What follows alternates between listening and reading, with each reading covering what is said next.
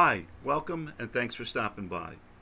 One of the things that we like to talk about, which all too often gets swept under the rug, is the one most important thing that every business needs to encourage and foster, not just from the very beginning, but on through their life. The measure of trust your clients, your customers, your employees, your independents, your staff, everybody has with the organization is a much needed element that needs to be developed and work on. And all too often, trust and honesty uh, and sincerity get left onto the sidewalk. Many companies spend untold amount of money, literally untold, building an image of being pure and honest. And yet along the way, they do a lot of dishonest things, which does have a tendency to hurt, and in some cases can even put a business out of business. When you start working with your clients and your customers, your staff, and everyone else, that trust is a two way street. If the people surrounding you believe in you, believe in your honesty, they trust you, they know when they come to you with a problem, you'll honestly address it. These are the things that make a difference between the success or failure of a business. And regrettably so, the institutions that we believe in that run our country often don't show that measure of trust. And look at what's happening to our country. I bring this up not as a matter of criticism or disgust. Maybe to some it is, maybe to some it isn't, I don't know. But the truth of the matter is that whether you're a big business or a small business, as soon as you engage somebody using your product or services, if they feel that you're giving them their dollar's worth, so to speak, if they feel that you're being honest with them. And I'll cite a very good example. Years ago, there was a, uh, where we live, there was a company that serviced our, you know, various equipment. And the company kind of started operating very shadily. It took actually someone from a government agency where they were located at to stop them from doing what they were doing. Years later, uh, people were telling me they went back and did business with them because people were telling us that things have changed tremendously. So we took it as a grain of salt, and we were very pleasantly supply, surprised that it was so. Everything was exactly the opposite honesty, integrity, work ethics, you name it. They didn't try to pull the wool over your eye. And we recommended them to other people. And it's that kind of growth that you cannot buy in advertising. When somebody calls you up, a customer, a client, and says, My next door neighbor, my next door business, my next door, my relative said, I got to do business with you. You're great people.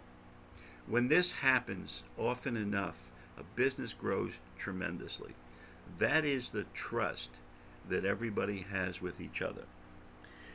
But when there are secrets in the back where, oh, yes, I want you to establish trust, but I also want you to sell, sell, sell, whether they need it or not. These are the things that break down those trusts. So think about this. If you're looking for long term commitment, there's nothing better than trust. And today, especially with the internet, it's very easy for someone to get on Twitter or Facebook or one of the other sites and say, don't do business with this company.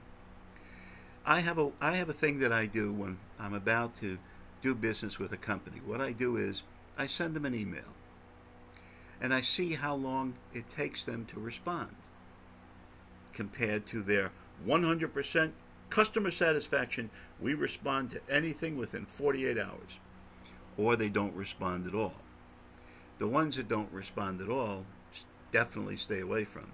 The ones that take forever to respond, and I'll give you another example of that. A company was looking to borrow money to grow. They went to their bank. The bank said, "Well, we don't have a we don't loan this kind of money, but this is an affiliated business. You call them, they'll help you out." Okay. So the executive in this company called, two weeks later, he gets a call back. Oh, you called? And the guy said, Yeah, two weeks ago. In the meantime, we went someplace else and we got it done. I don't know why you don't want to call us back, but uh, certainly up to you. It is that kind of integrity, that kind of sincerity. If that person had called up and said, You know, I really apologize, uh, somehow your name and number got waylaid. I don't know where, I don't know why. So I just wanted to touch base with you and, you know, apologize for it. Sometimes you can smooth things over as long as it's honestly done. You make a mistake, you make a mistake, no harm done.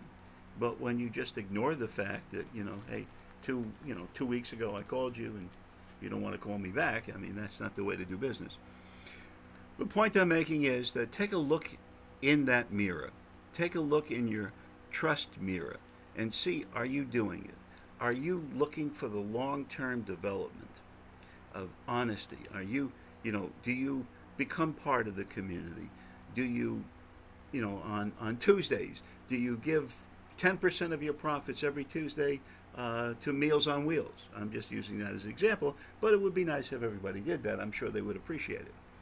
The thing is that when you do these things, when you show that you're not just a part of the business world, also part of the community, and you're giving back, these are things that also help build trust. And you have to be honest about what you're doing and why you're doing it. People know today, and there's so much information out there about companies. So I'm not going to waylay this too much longer, just to say build your trust, work your trust, develop your future, and things will generally work your way. It's not easy when you start, but that most important word, trust when you're doing business with a vendor and you can't pay the bill and you call them up and say, look, I know this bill has to be paid by next week. Here's my problem. I'm being honest with you. You could sue me. You're not going to get anything because everybody else is going to be doing that. But here's what I'm doing to try to correct this situation. Can you help me? You'll find that a lot of businesses, if you're honest with them up front, will help you. But hiding doesn't work. That's when the trust gets completely thrown out the window, and usually when lawsuits start flying. So, hopefully, we've opened up the door for you to consider something that's very important, but it is up to you. So, have a good one, enjoy, and may the pros- may prosperity be with you. Thank you.